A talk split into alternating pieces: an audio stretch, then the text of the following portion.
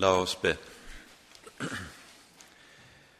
Kjære gode Herre, så takker og lover vi deg at vi på ny skal forsamles i ditt hellige navn og om ditt dyrebare ord. Og nå ber vi, Herre, at du etter ditt eget løfte vil være midt imellom oss, at du vil sende din Hellige Ånd og gi oss lys i dine ord, så vi kan forstå dem rett, og at ordet også kan gjøre sin gjerning og bære frukt i våre liv, i våre hjerter. Herre, forbarm deg over oss. Amen.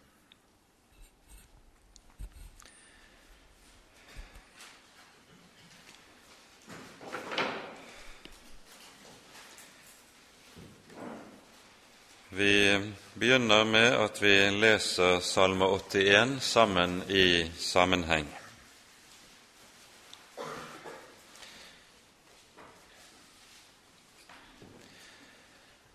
Til sangmesteren etter Gittit av Asaf. Juble for Gud, vår styrke. Rop med glede for Jakobs Gud. Stem i sang, og la tamburinen lyde, vakker klang av sitter sammen med harpe. Støt i horn på nybåndedagen, ved fullmånen på vår høytidsdag. For det er en lov for Israel, en rett for Jakobs Gud. Han satte det til et vitnesbyrd i Josef da han dro ut gjennom landet Egypt. Jeg hørte en røst som jeg ikke kjente. Jeg fridde hans skulder fra byrden. Hans hender slapp fri av bærekurven. I nøden ropte du, og jeg fridde deg ut.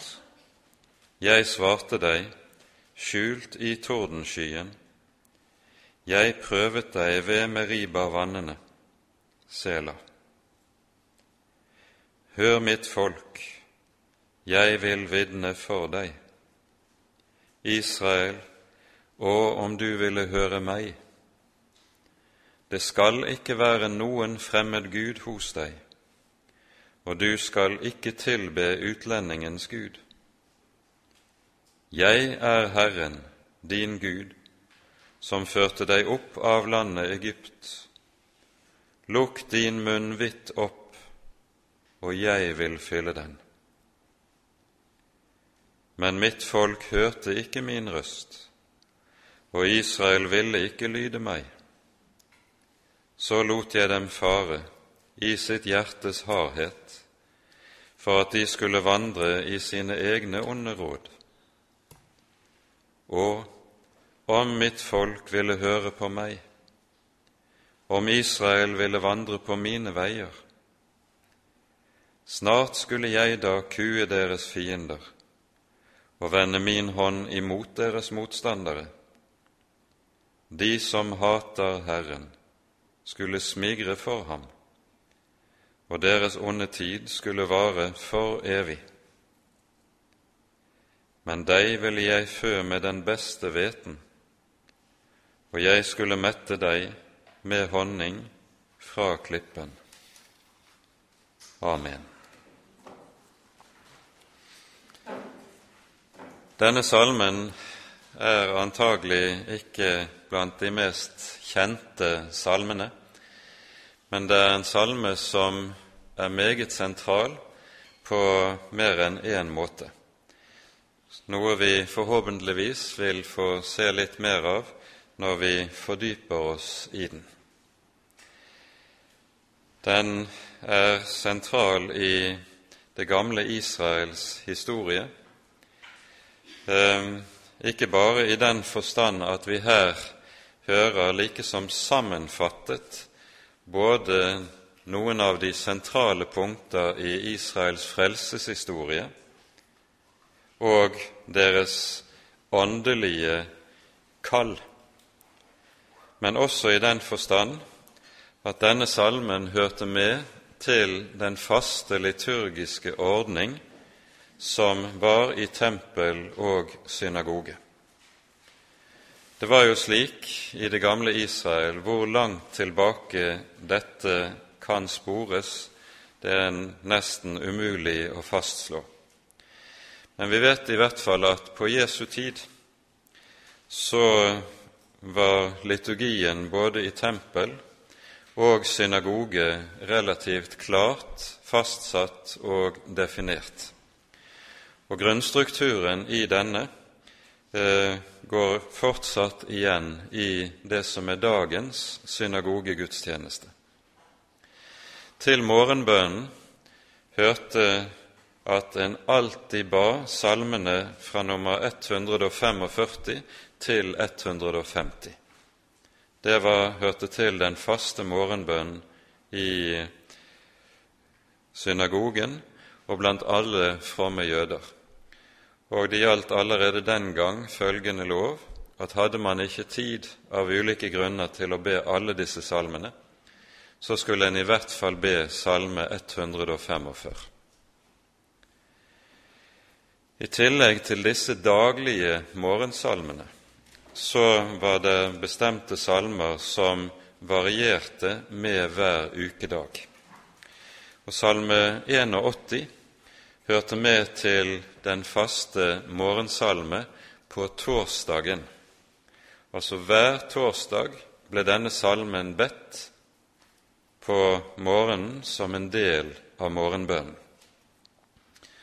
Og Med dette så ser vi noe av det som er grunnleggende i alt det som er sann og rett liturgi.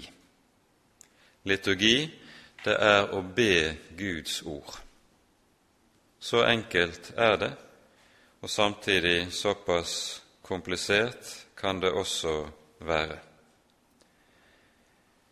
Men denne ble altså bedt hver torsdag.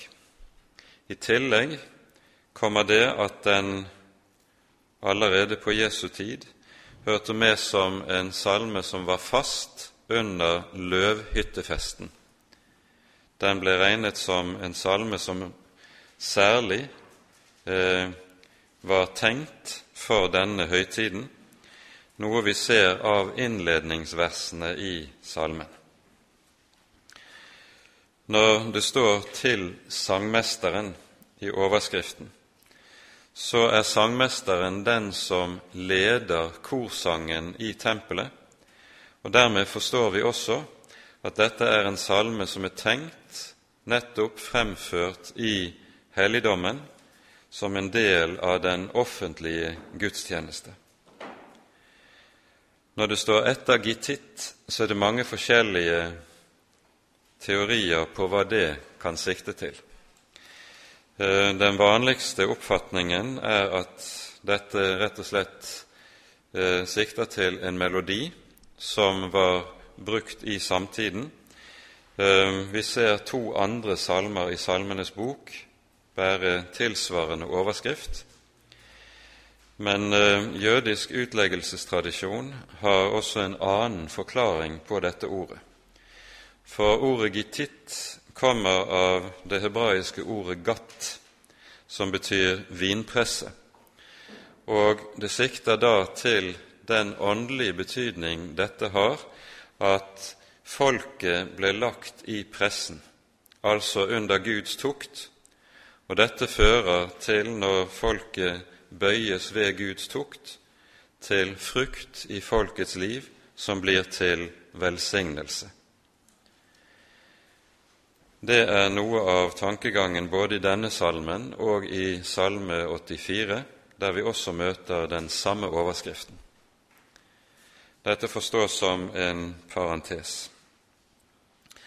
Salmen innledes med en oppfordring til å juble for Herren. Folket samles i Herrens hus under løvhyttefesten først og fremst med, under oppfordringen 'Juble for Gud, vår styrke'. Når vi ser sammenhengen i salmen, så er, står dette i motsetning til det som helt tydelig om igjen og om igjen er Israels fare og Israels fall. Det som kommer for dagen stadig under Israels ørkenvandring, nemlig at folket knurrer mot Herren i stedet for nettopp dette som de er kalt til, der hvor det står rett til at de jubler for Herren. Takknemligheten for hva Herren har gjort, for hvem Han er, og hvorledes Han har ført dem, det er det som skulle prege Guds folk. Når Gud kalles med et bestemt tilnavn her, vår styrke, så henger det sammen med en grunntanke i vår bibel som er satt ord på i Jesaja 45. Der leser vi i det nest siste verset følgende.: De skal si om meg, bare i Herren er rettferdighet og styrke. Til ham skal de komme. Bare i Herren er styrke. Med det peker Bibelen på noe som er meget vanskelig for oss mennesker å ta på alvor og erkjenne. Det er like vanskelig å erkjenne dette som det er å erkjenne at her, i Herren alene er det rettferdighet. Vi har det jo med at vi innbiller oss at vi har noe å fare med og komme med overfor Gud. Den menneskelige egenrettferdighet ligger nedlagt i oss like fra fallets dag, og derfor er det uhyre vanskelig for oss å komme inn dit at det aksepteres at det bare er i Herren det er rettferdighet.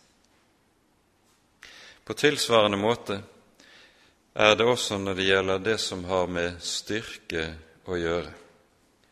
Selv om et menneske har kommet igjennom i tro til Herren, så sitter det meget langt inne det å slutte å stole på egen styrke, egen forstand, egen innsats, at jeg selv kan ha noe å fare med i Guds rikes sammenheng. Og så blir noe av det som er Guds arbeid på oss etter at vi er blitt omvendt og kommet til Jesus, det består i å også å frata oss tilliten og tiltroen til egen evne, egen kraft og egen styrke.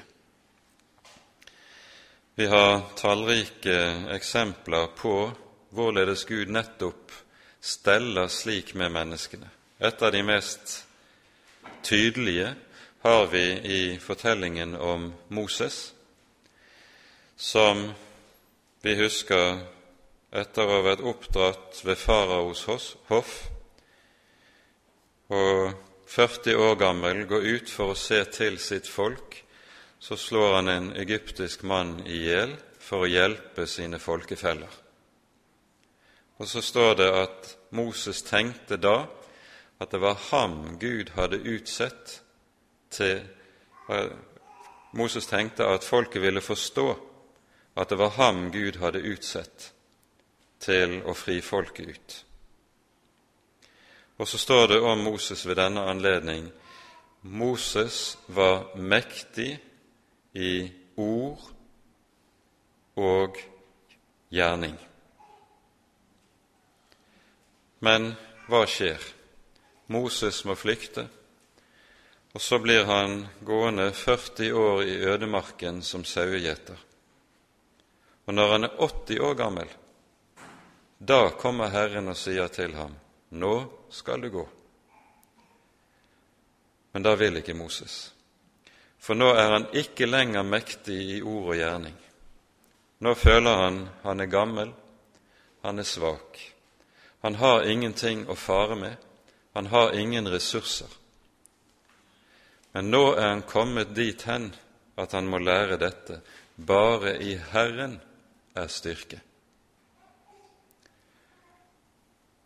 Dette sitter alltid langt inne hos alle Guds tjenere, men det er en grunnsannhet i Guds ord, og det er helt avgjørende at dette også er noe som blir erkjent hos alle som er satt til tjenesten i Guds rike, for ellers vil de uvegerlig stole på egen kraft og egen arm. Og så blir den tjenesten en gjør i Guds rike sammenheng, menneskeverk, ikke Guds verk. Juble for Gud, vår styrke. Han er styrke for de som er svake, for de som er små, for de som er hjelpeløse. Rop med glede for Jakobs Gud. Og så minner vi om hvorfor det er slik at Herren stadig i Det gamle testamentet lar seg kalle Jakobs Gud. Jakob er den patriarken som Gud har det aller største strev med å nå inn til og å forme. Han er en bedrager, han er en lurendreier, han er en synder. Og så tar Herren seg av ham midt i alt dette. Og så blir det slik gjennom Det gamle testamentet at når Herren lar seg kalle for Jakobs Gud, så er det den gammeltestamentlige parallell til at Herren i Det nye testamentet kalles for synderes venn. Og Dette er ikke tilfeldig at dette altså står i innledningen til denne salmen. Så hører vi i vers 3 om de ulike musikkinstrumenter, og da er det instrumenter som ganske særlig var anvendt i tempelmusikken det siktes til. Vi skal ikke bruke mye tid på det, men gå rett til vers 4. Støt i horn på nymånedagen og ved fullmånen på vår høytidsdag. Her siktes det antagelig til den jødiske nyttårsfeiringen som begynner på den første dagen i den syvende måned. For det første så leser vi i både tredje og fjerde Mosebok at på nyårsdagen, den første dag i den syvende måned, da skulle det støtes i horn. Og det hornet det handler om, det er sjåfaren. Støt i sjåfar. Og denne skulle det støtes i på hver dag senere fra nyttårsdagen, første dag i måneden, frem til tiende dagen i måneden, som var den store forsoningsdagen. På ny skulle det da støtes på en særlig måte i hornet, og så, fire dager etter forsoningsdagen, begynner løvhyttefesten. Og Hvis man skulle oversette dette verset bokstavelig, så må det påpekes her at det er unøyaktigheter i dette. I den gamle 1930-oversettelsen Eh, står det en eh, anmerkning i teksten som sier at her tenkes det på påskehøytiden. Det er en misforståelse. For det det tenkes på, er løvhyttefesten. Det hebraiske ordet som anvendes, det er et ord som direkte oversatt betyr 'festen' i bestemt form, og det er et ord som kun anvendes om løvhyttefesten i det gamle Israel. Nymånedagen og den dagen månen skjuler seg på høytiden, nemlig løvhyttefesten. Og Hva er poenget med hornstøtet på nyttårsdagen? Det skal minne om to sentrale saker i Den hellige skrift. Dette var altså en del av liturgien. Første gangen vi hører om hornstøtet, det er når Israel står under Sinai og loven åpenbares. I Andre Moseboks 19. kapittel så understrekes det to ganger, og det sies i teksten det er Herren som støter i sjåfaren, i basunen. Sjåfaren er dette bukkehornet som blir brukt ved denne særlige anledning. Videre står det i Det gamle testamentet at en gang til skal Herren selv blåse i sjåfar. Det står i Sakarias boks niende kapittel. Det er den dagen han kommer for å dømme all jorden. Og det er i tilknytning til dette vi hører det sies f.eks. i 1. Tessalonikerbrevs fjerde kapittel at når Jesus kommer igjen og åpenbarer seg, da kommer han, står det, med Guds basun, det uttrykket som anvendes, noe som spiller da på ordene i Zakaria 9. Det er tale om at Herren støter i basun når Han kommer til dom. Det sjåfaren altså skal minne om, det er to ting. At Han som ga sin hellige lov, på Sinai, de ti bud, er den Gud som alle mennesker skal svare regnskap for, og som en dag kommer igjen for å dømme levende og døde. Og Derfor er nymånedagen i nyårsdagen i det jødiske folk tenkt som en dag der mennesket skal berede seg med tanke på å møte sin skaper. Det er så å si en bots- og bededag i det gamle Israel.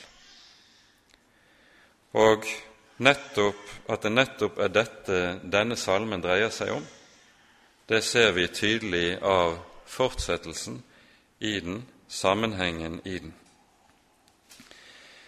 Når vi leser videre i det femte verset, står det for det er en lov for Israel, en rett for Jakobs Gud, så siktes det til nettopp at en slik dag er innstiftet med tanke på at folket skal ransake seg selv med tanke på å møte sin skaper og være rede til hans store dag. Han satte dette, nemlig dette vitnesbyrd, dette minnet om loven, minne om hans komme til dom i Josef da han dro ut gjennom landet Egypt. Og Her står det noe igjen i grunnteksten som ikke kommer frem i våre oversettelser. For spørsmålet er hvem er det som drar gjennom landet Egypt? Etter grunnteksten så er det mer rimelig å forstå det slik at det er Herren som drar gjennom landet Egypt og avgir et vitnesbyrd.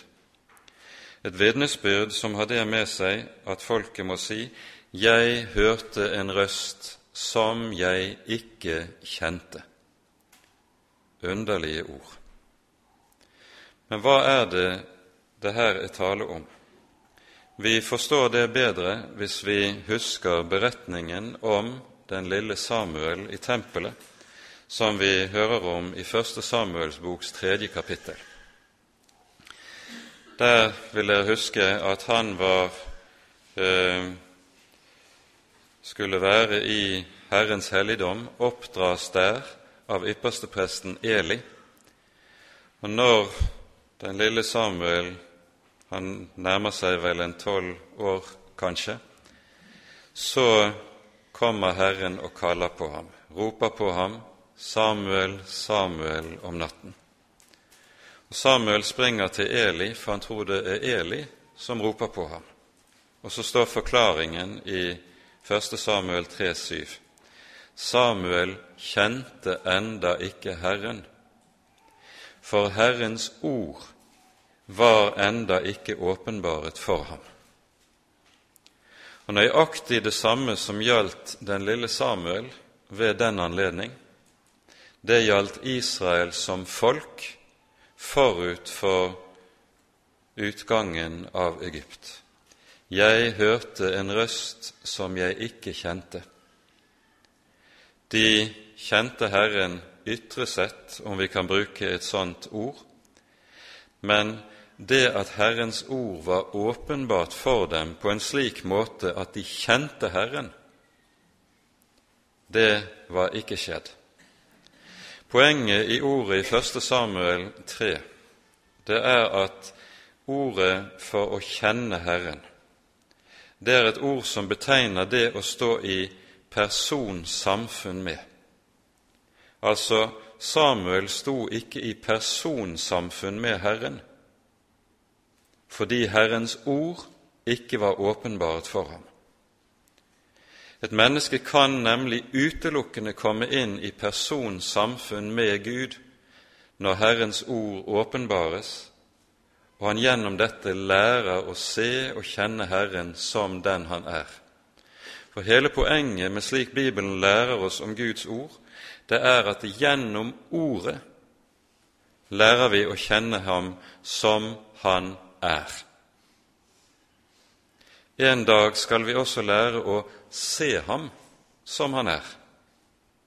Det får vi ikke så lenge vi er her i tiden, her i verden. Det hører evigheten til. Men her i tiden kan Guds folk eie det privilegium at de kan ved ordet kjenne ham som han er.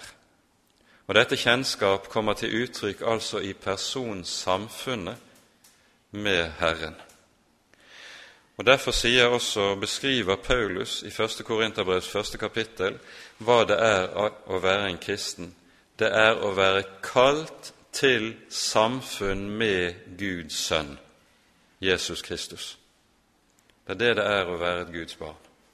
Det er å være kalt inn i dette samfunn. Og det formidles altså ved dette ord. Og så gjenfortelles i kort form hva som skjedde ved utgangen av Egypt.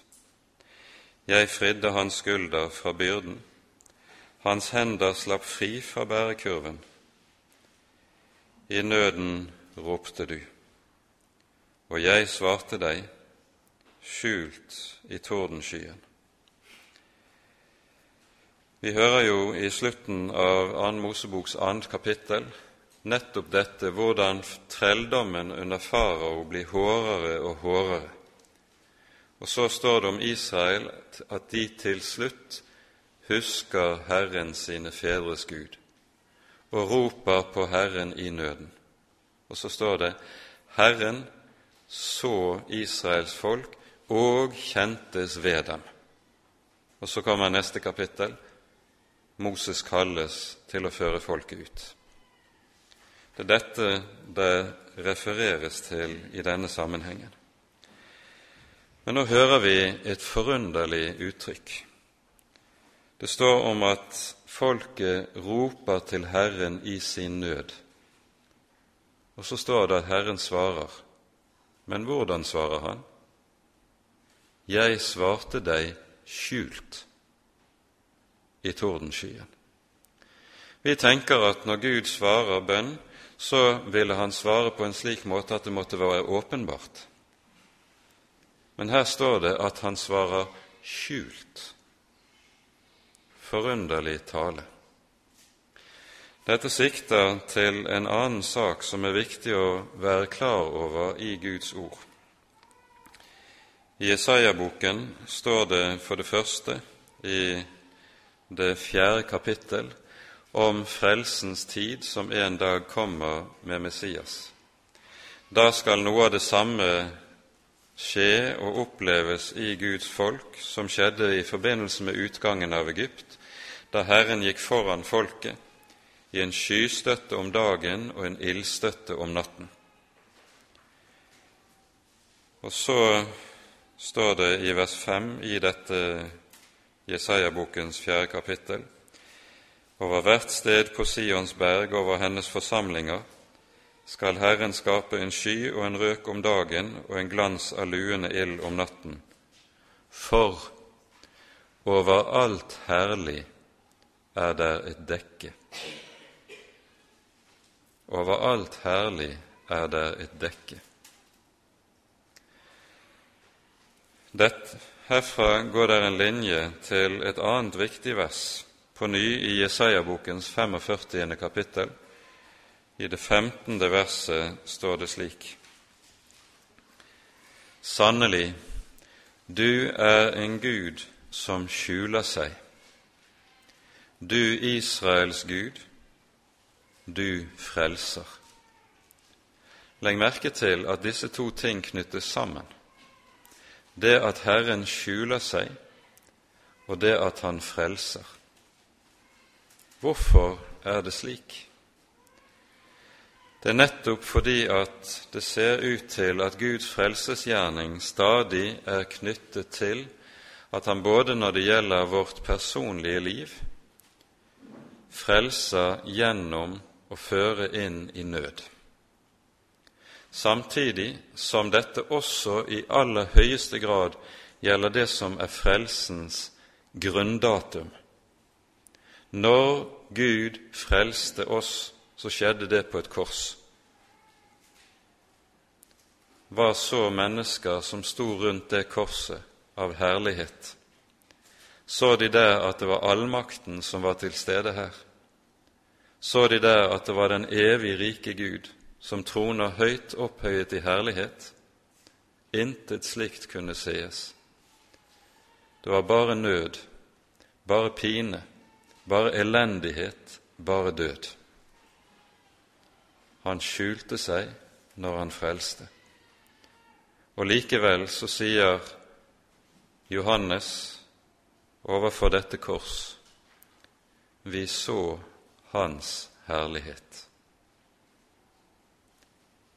Men det er skjult, altså under et dekke. Dette er også noe av en sannhet i Guds ord som det er avgjørende å være oppmerksom på. Jeg svarte deg skjult i tordenskyen. Jeg prøvet deg ved Meribas vann. Og så minnes vi kort om en av begivenhetene ved ørkenvandringen, nemlig det som vi leser om i 2. Mosebok 17. kapittel, når Israel mangler vann og Moses slår knippen. 40 år senere, ved avslutningen av ørkenvandringen, gjentar det samme seg. Det leser vi om i 4. Moseboks 20. kapittel like forut for inngangen i det lovede land. Herren prøver folket, og det underlige er ørkenvandringen avslører at folket ikke holder prøve. Vi finner en kommentar til dette i Salme 95, der det sies følgende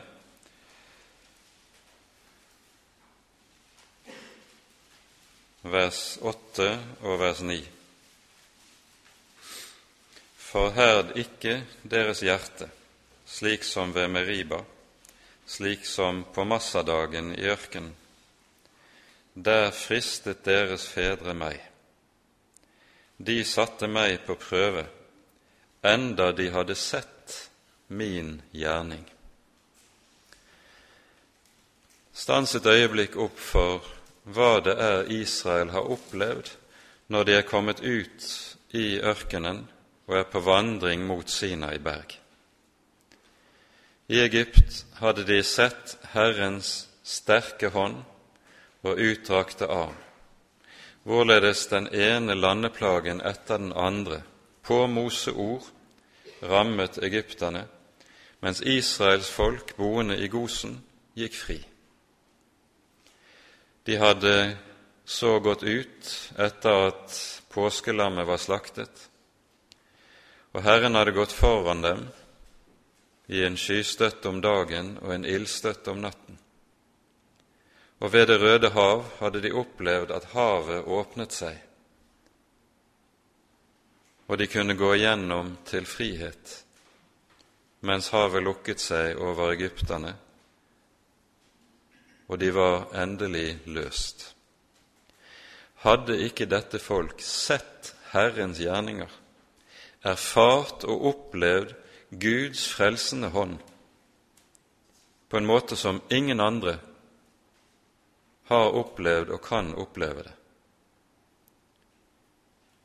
Og skulle ikke slike erfaringer få folket til, når de så begynner på vandringen, få dem til å si følgende Han som har vist seg trofast, Han som har vist seg i stand til å sørge for oss hele veien, bevare oss mot alt ondt, skulle ikke Han også være i stand til å sørge for oss når vi er her i ørkenen? Men det motsatte skjer. Tvil på Herren, knurr imot ham, mistillit er det som råder grunnen under det aller meste av ørkenvandringen. Og så sies det, som vi hørte i Salme 95, de satte meg på prøve, de som dog hadde sett min gjerning. Det var Israel. Det ser ut til at det stadig er Guds folks nød. Og Så kommer vi til det niende verset, og det er et sukk. Hør, mitt folk, jeg vil vitne for deg. Israel, å, om du ville høre meg! Her sukker Gud. Det er formulert i grunnteksten nettopp som sukk, som et klagerop fra Guds side. Å, om du ville høre! Og det er det som ser ut til å være aller vanskeligst for Herrens folk. I 2. Moseboks 14. kapittel så hører vi det står om Israel når de har krysset Det røde havet, kommet trygt over på motsatt side. Da Israel så den gjerning Herren hadde gjort, da trodde de på Herren og hans tjener Moses. Så hører vi lovsangen i kapittel 15, og så går Israel tre dagsreiser ut i ørkenen og mangler vann. Hvor er da lovsangen? Da er lovsangen erstattet av knurr. Og så ser vi at Israels tro fordamper sammen med det at de kan se. Israels tro er knyttet til at de ser, i stedet for til det som er Guds skole og vei med folket, Troen skal knyttes til å høre, å høre Guds ord. Men det vi ser stadig på ørkenvandringen, det er at folket nærer den største mistillit til Ordet. De vil hele tiden se. Og så handler ørkenvandringen om dette å lære folket. Det er Guds skole å lære folket å tro på Ordet, på tross av hva de kan se med sine ytre øyne. Hør, mitt folk, og jeg vil vitne for deg. Dette sukket fra Gud det møter vi igjen i to salmer, salme 95, som vi allerede har sett, og også i salme 50. Ta disse to salmene for dere og les dem grundig og nøye når dere kommer for dere selv. Jeg er Herren din Gud, som førte deg opp fra landet Egypt. Det er ordene som lød ved Sinai. innledningen til de ti bud, som her gjentas og minnes om. Og så kommer det:" Lukk din munn vidt opp, og jeg vil fylle den. Det du ser her, det er likesom bildet av fugleunger som sitter i redet. Så snart mor eller far kommer på redekanten, så gaper de opp. Dette bildet anvendes i Salme 119, og her står det sånn i vers 131. Jeg åpnet munnen og sukket av lengsel, for jeg stundet etter dine bud. Det er Herrens ord som slik skal gis til mat for Herrens folk. Så blir spørsmålet om du og jeg er slike, sånne fugleunger som ikke kan annet enn å gape etter Herrens ord og rope etter det, så sant og for å få det så sant det overhodet er mulig, eller om vi er slike som mette og selvtilfredse synes vi klarer oss foruten. Når vi i Femte Moseboks åttende kapittel hører Herren gjenfortelle fra ørkenvandringen, så sies det der 'Jeg hungret deg', 'Jeg lot deg hungre og mangle føde', for å ydmyke deg og prøve deg og kjenne hva som var i ditt hjerte. Og hva var det Herren ville se etter i hjertet til folket? Så følger det etterpå det om du ville ta vare på Herrens ord eller ikke. Og Så gir Herren folket manna i ødemarken for å lære dem én sannhet, at mennesket lever ikke av brød alene, men av hvert ord som går ut av Guds munn. Det denne billedbruken og tankegangen som vi møter her. Lukk din munn vidt opp, og jeg vil fylle den.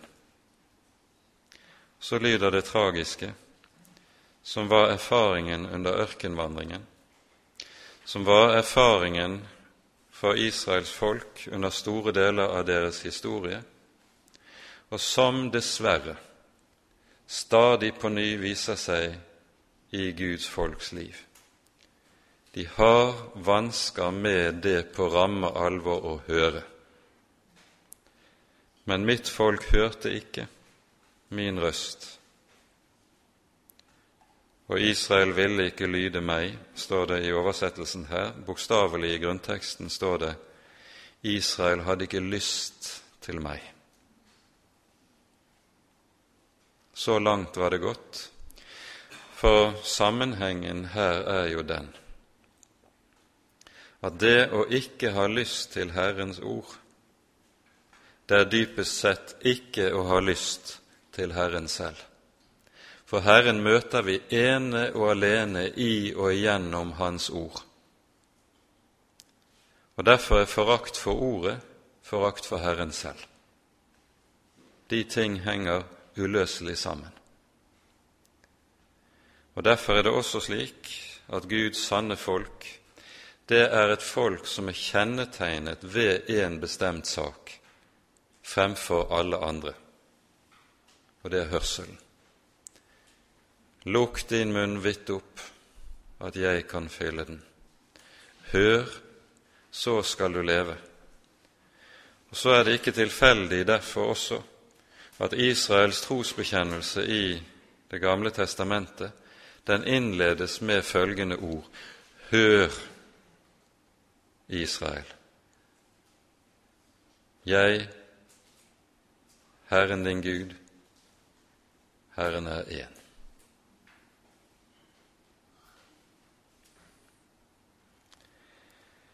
Når Guds folk på denne måten lukker ørene, så står det så lot jeg dem fare i sitt hjertes hårhet, for at de skulle vandre i sine egne onde råd. Ingen ulykke kan være større for et menneske enn at det av Gud selv får tillatelse til å leve livet etter eget hode. Vi har det store forbildet på dette i Det nye testamentet, i fortellingen om den bortkomne sønn, som nettopp fikk lov til å gå sine egne veier, og så ikke sansa seg før han har ødelagt alt, forspilt alt og så, midt i sin ruin, skjønner jeg må tilbake til Han som er far. Og om mitt folk ville høre på meg, og om Israel ville vandre på mine veier, snart skulle jeg da kue deres fiender og vende min hånd imot deres motstandere. Da lyder løftet om velsignelsen. Da skjer det at i stedet for at Herrens hånd er vendt imot hans eget folk, så blir Herrens hånd en hånd som er, tar seg av folket og vender seg imot dem som er deres fiender. Og deres tid skulle vare for evig, står det. Det står ikke her 'deres onde tid skulle vare for evig', det står ikke i grunnteksten, men det står 'deres tid'. Det er et løfte nemlig at der Guds folk hører Guds røst, der blir de stående for all tid under Herrens løfte og Herrens velsignelse.